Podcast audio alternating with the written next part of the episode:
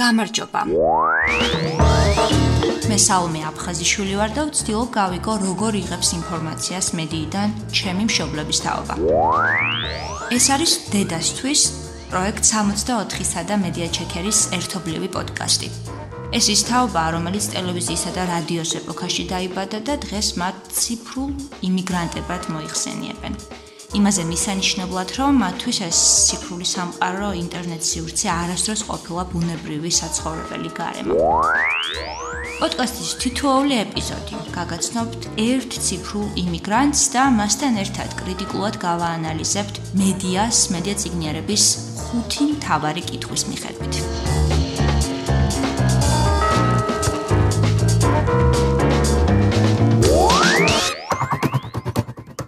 ვინ შექმნა ამბავი? რა მეთოდებია გამოყენებული ჩემი ყურადღების მისაპყრობად?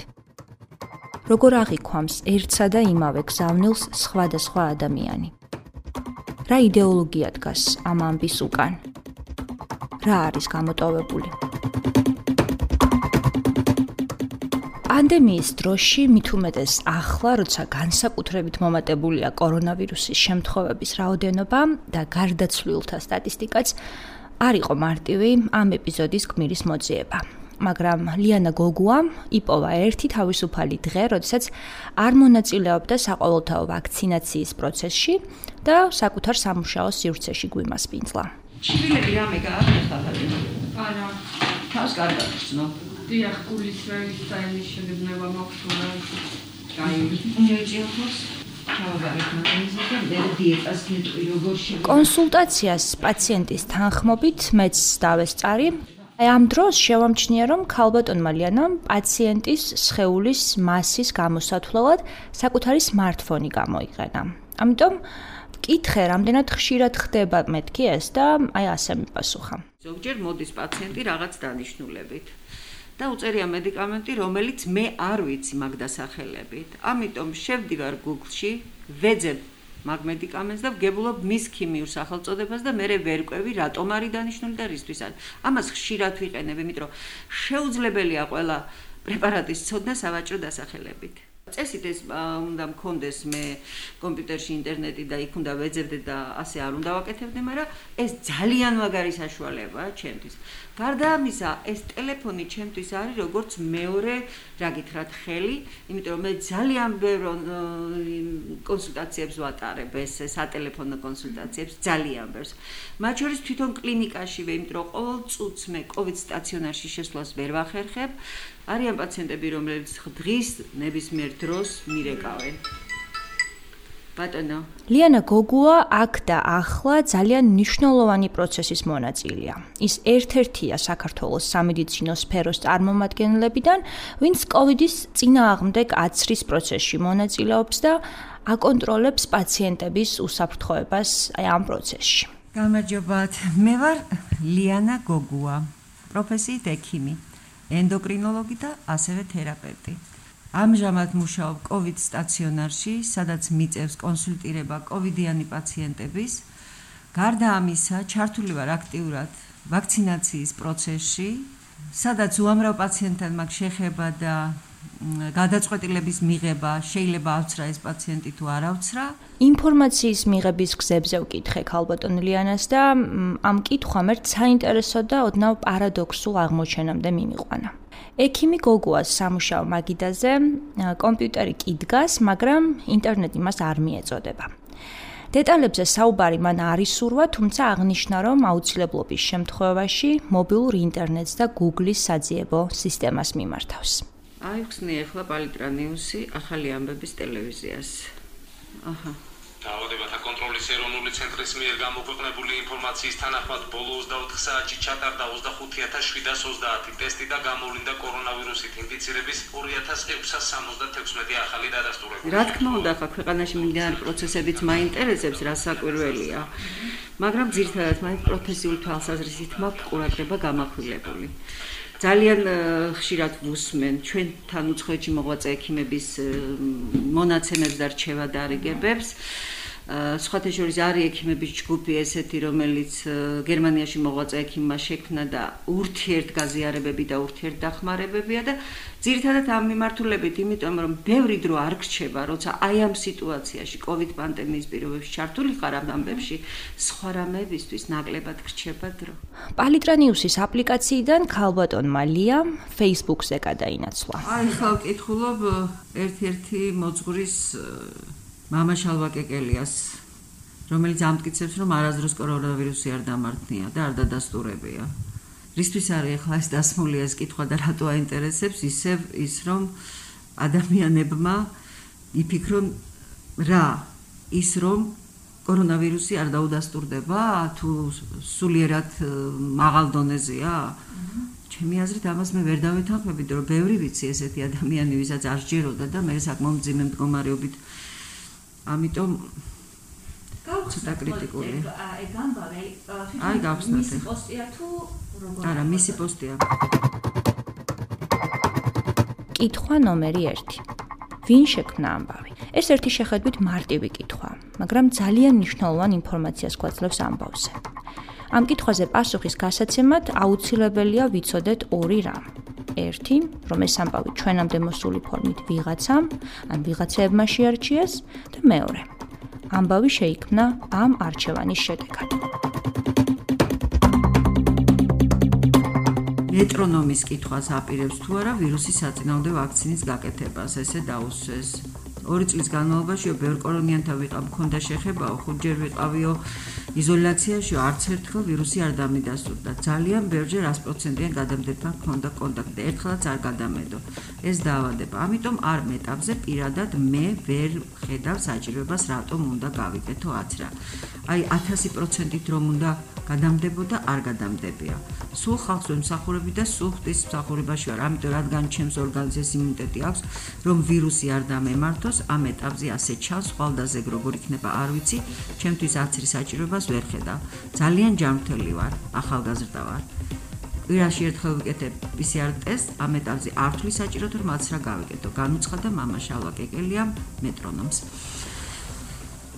რა ვიცი ხა რამდენად მამა შალვაკეკელია მილაპარაკა ზუსტად ასე ჩემთვის ძნელი დასაჯერებელია.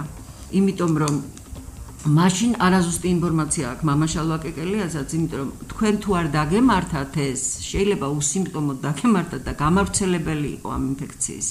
ამიტომ აქ ცოტა კითხები სხვანაირადაც უნდა ყოფილიყო ჩემი აზრით დასმული. მე ვფიქრობ მშვენიერი დასაწყისია ინფორმაციის კრიტიკული ანალიზის გზაზე მაგრამ აქედან ამოცანა უფრო რთულდება.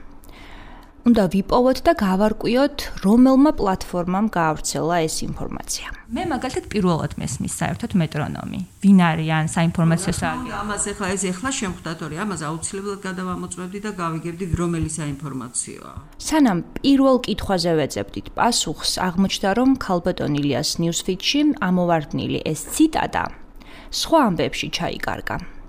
აი ხელმეორედ ძიებისას მან საძიებო სისტემაში ჩაწერა სიტყვა მეტრონომი, მაგრამ სამწუხაროდ შედეგებს შორის საინფორმაციო გვერდ მეტრონომის ნაცვლად გადაცემა მეტრონომი ამოვარდა, რომელიც სრულად არ არის დაკავშირებული ამ საინფორმაციო სააგენტოსთან და არის საკმაოდ პასუხისმგებლიანი ობიექტური მედია პლატფორმის რადიო კომერსანტის ყოველდღიური გადაცემა.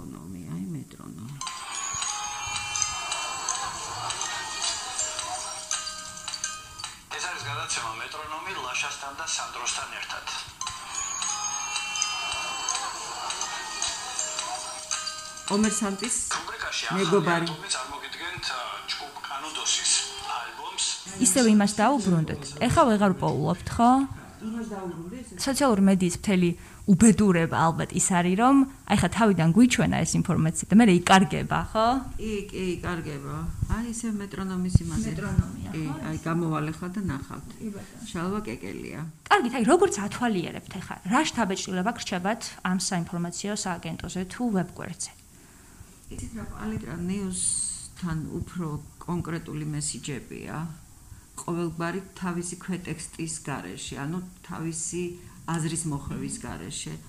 ამიტომ, რა ვიცი, უფრო ისეთი მათ მიმაჩნია. შეიძლება ჩემი მცდარი აზრია, მაგრამ ეს. კითხვა ნომერი 2. რა მეთოდებია გამოყენებული ყურადღების მისაპყრობად? წინადადებებისა და სიტყვების არჩევანი, აუდიო-ვიზუალური ეფექტები. ის ცვლილებები, რომელიც კადრიდან კადრზე გადასვლის დროს ხდება. ციტატა, რომელსაც ვკითხულობთ, ფერი, რომლითაც ეს ციტატაა გაფერადებული. ეს ერთი შეხედვის ტექნიკური დეტალებია, მაგრამ გამოყენებული იმისთვის, რომ აუდიტორიის ყურადღება მიიპყროს. სწორედ ამ მეთოდების მარტივ მომრავლებად დაშლა და ანალიზი გვეხმარება მივიღოთ პასუხი მეორე კითხვაზე. იმიტომ რომ ეს ეხება საქართველოში ამჟამად მიმდინარე ამბებს COVID პანდემიასთან დაკავშირებით, ეკლესიას დიდი გავლენა აქვს საზოგადოებაზე და მაინტერესებდა რას ეტყოდა საზოგადოებას მამა შავა. იმიტომ მიიყრო ჩემი ყურადღება. პროვოკაციული ის არის. სათაური არის პროვოკაციული. რას ამბობს მამა შალვა ვაქცინაციასთან დაკავშირებით? კითხვა ნომერი 3 როგორ აღიქვამს ერთსა და იმავე გზავნილს სხვადასხვა ადამიანი? ეს კითხვა ინტერპრეტაციების მრავალფეროვნებაზეა. ანუ ერთსა და იმავე ამბავს დედა და შვილი, სტუდენტი და პროფესორი, ქალი და კაცი, ბებია და შვილიშვილი, დასაქმებული და უმუშევარი, უფრო ზუსტად რომ ვთქვათ, ორი საუკეთესო მეგობარიც კი სხვადასხვანაირად აღიქვამს. მე ჩემი შეხედულება მაქვს ამ თემასთან დაკავშირებით და მე ვიცი როგორ აღვიქვამ, მაგრამ ადამიანი რომელსაც ეჭვი ეპარება იმაში რომ გაიკეთოს თუ არა ვაქცინა, როგორ მოიქცე, ჯერ კიდე შიშები აქვს ბევრ ამასთან დაკავშირებით, იმ დრო არ იცის რა ტიპის ვაქცინაა და როცა მისთვის სამაგალითო ეკლესიის მსახური გეუბნება, რომ მე აი ესე ამ ეტაპზე არ დამემართა ეს კორონა და არ ვაპირებ აცრას, იცი რა, ძალიან ბევრს კიდევ ერთხელ დაარწმუნებს, რომ არ გაიკეთოს ვაქცინაცია. სამწუხაროდ ეს ასე მოხდება. იგივე ჩემს კოლეგებშიც ამ თემასთან დაკავშირებით განსხვავებული მიდგომებია. მათ აქვთ თავიანთი არგუმენტები. შეიძლება გარკვეულწილად გამართლებულიც ეს არგუმენტი.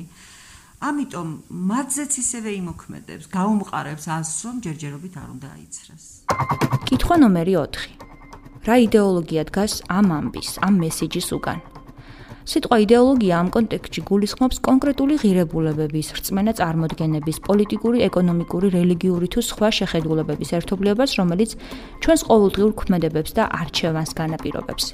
თუ ჟურნალისტი რომელიმე идеოლოგიით არის мотивирებული, ნებისმიერი მისი კითხვა თუ ქმედება სწორედ ამ идеოლოგიით არის ნასაზრდოები. мама შალვა კეკელიას მეშით გაჟღარებულია, რომ თუ იქნები მორწმუნე ადამიანი, ღვთის სამსახურში, ვერანაირი კორონავირუსი ჩვენ ვერ მოგვერევა. კარგია ეს ასე იყოს, მაგრამ სამწუხაროდ ეს ასე არ არის. კითხვა ნომერი 5. რა არის გამოტოვებული? პასუხი ამ კითხვაზე გვეხმარება გავიგოთ ავტორის, ამ მესიჯის თუ მედია პროდუქტის ავტორის მიერ გაკეთებულმა მიზანმიმართულმა არჩევანმა რამდენად რა ხარისხით დაარღვია ამბის სრულყოფილება. რა დაგვაკლდა იმისთვის, რომ სრულად გავიგოთ ამბის არსი. რა არის გამოტოვებული და საპასუხო კითხვები არ დაუსვა მეტრონომმა? არგუმენტები მოიყვანა იმისი, რომ აი თქვენნაირი საეკლესიო მსახურები, რომელიც დღე და ღამე ღვთის მსახურებაში არიან, რომ დაავადდნენ ამ დაავადებით და ზოგის მდგომარეობა ლეტალურადაც დამთავრდა. ამიტომ ეს კითხვა აუცილებლად უნდა დასმულიყო და ამაზეც ეპასუხა ბატონ შალვაკიკელი. მთელი ეს 12 წუთიანი საუბარი ჩემსა და ქალბატონ ლიას შორის კარგი ილუსტრაციაა იმისა, როგორ შეიძლება Facebook-ის მომხმარებელი COVID-ის შესახებ არასწორი ინფორმაციის მსხვერპლი გახდეს. ქალბატონ ლიანას არც დაუგეგმავს ისე გახდა ამ არასწორი ინფორმაციის სამიზნე. მან გადაამოწმა, რაშიც მეც დავეხმარე, რომ დარწმუნებულიყო ამ ინფორმაციის მავნეზე მოქმედებაში, მაგრამ აა უნდა გავითვალისწინოთ და ხაზი გაუსვათ იმას, რომ ქალბატონი ლიანა არის ექიმი. შეგახსენებთ, რომ ის COVID ინფიცირებულთა სტაციონარში მუშაობს. შესაბამისად, მან თავად ნახა ამ ვირუსის გამო ძიმე მდგომარეობამდე მისული ადამიანები და არა მარტო ძიმე მდგომარეობაში მისული ადამიანები, არამედ გარდაცვლილიც, ხო? ამის გამო ადამიანები იღუპებიან. ამიტომ მან არ დაიჯერა მამა შალვა გეგელიას ეს ციტატა, ეს მოსაზრება, მაგრამ წარმოიდგინეთ Facebook-ის მომხმარებელი, რომელსაც საბედნიეროდ ჯერ არავინ უნახავს COVID-ით მძიმედ ინფიცირებული, შესაბამისად არც არავინ გარდაცვლია COVID-ის მძიმე შედეგების შედეგად, არც ინფორმაციის გადამოწმებით იწუხებს თავს და კიდევ უფრო რეალისტური სცენარი რომ წარმოვიდგინოთ, ეს ადამიანი არის ეკლესიური, მას ჯერა მისი სასულიერო პირის მოძღვრის სულიერი დის ან ძმის, რომელთანაც ეკლესიაში დადის, შესაბამისად, აი წარმოიდგინეთ ახლა ესეთი ადამიანი და მის მიერ წაკითხული იგივე ციტატა და ინფორმაცია. ანუ ასეთი ადამიანები ხშირ შემთხვევაში იჯერებენ იმას, რასაც კითხულობენ და უფრო მეტად უმყარდებათ აზრი იმაზე, რომ არ არის საჭირო პირბადის გაკეთება, როცა ადამიანებთან ხარ თუნდაც ეკლესიაში, თუნდაც დახურულ სივრცეში, ან რომც გადაგედოს ამის გამო შეიძლება არ გართულდეს მდგომარეობა, შესაბამისად, ამის წარმოქმნის შემდეგ უკვე გიჩნდება აზრი, რა საჭიროა ვაქცინა. ეს შედეგი გაცილებით უფრო რეალისტურია, რომ არა ამ შემთხვევაში ქალბატონი ლიანას პროფესიული გამოცდილება და გარკვეული გამოცდილებაც, რომელიც მას აქვს და რაღაცნაირ скеპტიციზმი, რომელიც მას ბუნებრივად აქვს ინფორმაციის კითხვის დროს ინტერნეტში და აუცილებლად აღნიშნა, რომ მეც მასთან ერთად ვიყავი და რაღაცნაირად ერთობლივად დავსვით ეს კრიტიკული კითხვები. ხო, ეს დაეხმარა ლიანა გოგუას, მაგრამ ისე ვამბობ, დაუბრუნდეთ უფრო რეალისტურ სცენარს, რომელზეც ცოტა ხნის წინ ვსაუბრობდი. კიდევ ერთი საინტერესო დეტალი მინდა და დაკვირვება გაგიზიაროთ ეპიზოდის დღევანდელი გმირის შესახებ.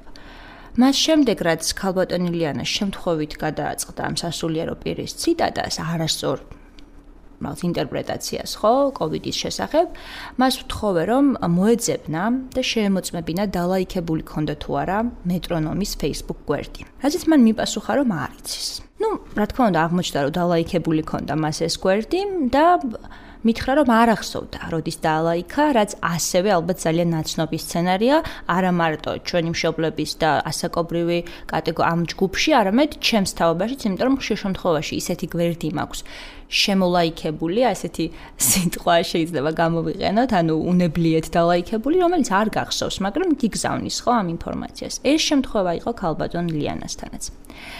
საინტერესოა რომ ამ წლის მაისში მით დეტექტორმაც გამოაქვეყნა სოციალურ ქსელებში გავრცელებული ყველაზე პოპულარული მითები კოვიდის ვაქცინასთან დაკავშირებით ქართულ ენაზეა ეს სტატია და შემიძლია შემდეგ ჩვენი პოდკასტის ეპიზოდის აღწერილობაშიც დავლინკო და ჩავსვა ეს სტატიები.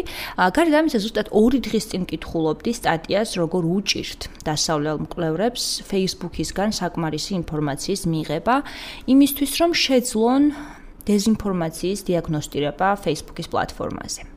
სტატიაში, რომელიც დამოუკიდებელმა მედია პლატფორმამ Vox-მა გამოაქვეყნა, საუბარია, რომ Facebook-ი ბოლომდე არასაჯაროებს ინფორმაციას თუ რეალურად რამდენ რამდენ ხანს უყურებს, რა დროის განმავლობაში უყურებს Facebook-ის მომხმარებელი COVID-თან დაკავშირებულ დეზინფორმაციას.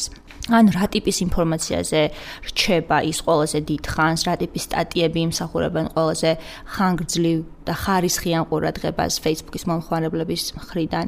აი სწორედ ამ დეტალების დამალვის გამო მიიჩნია სტატიის ავტორმა, რომელზეც ვსაუბრობ, Facebook-ი COVID-თან დაკავშირებით გავრცელებული დეზინფორმაციის ერთ-ერთ მთავარ პლატფორმად და საშიშ ტენდენციად ჩათვალა ეს.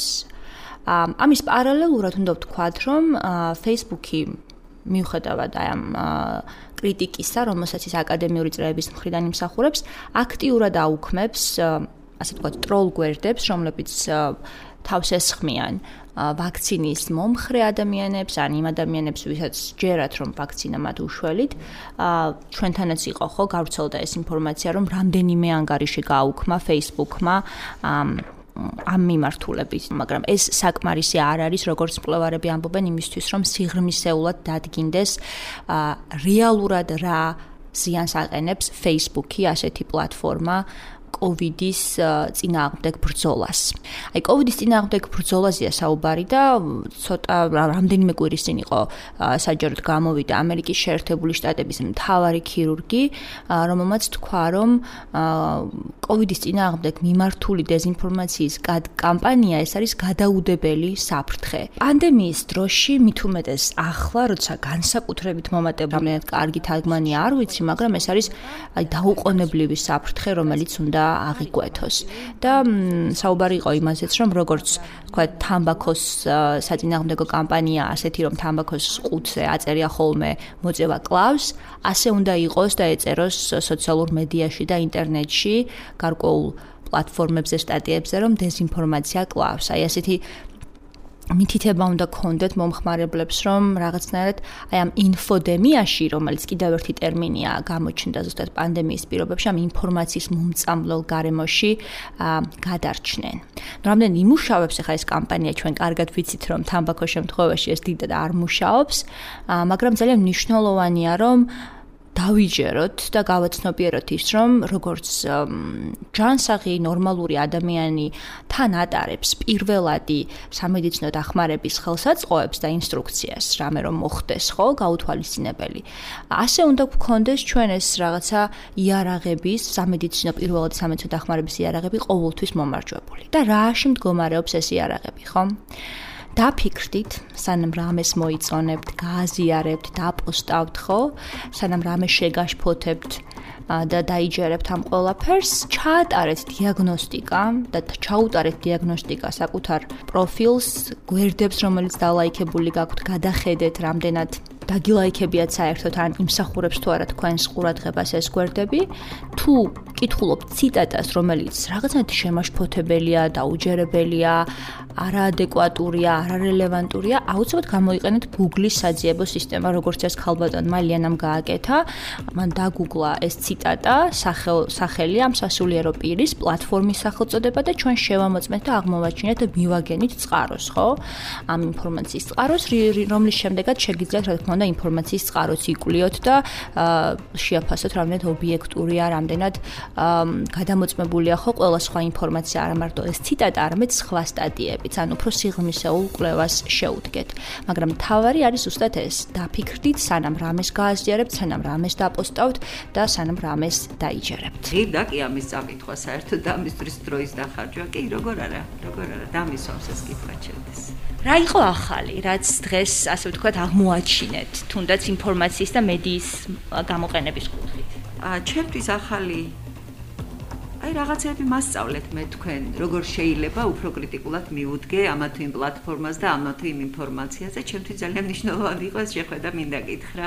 იმიტომ რომ რაც მედია სივრცეში ან ინტერნეტ სივრცეში მოთავსებულია ძალიან დიდი ნაწილი არ არის სწორი ინფორმაცია და ძალიან ცუდად ილექება მე ადამიანის ცნობიერებაში ეს ინფორმაციები.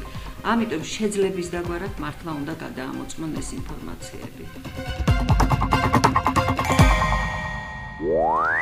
ეს იყო დედასთვის პროექტ 64-სა და მედია ჩეკერის ერთობლივი პოდკასტი, რომელსაც იპოვით პროექტ 64-ის ყველა პლატფორმაზე. მე სალომე აფხაზიშვილი ვარ.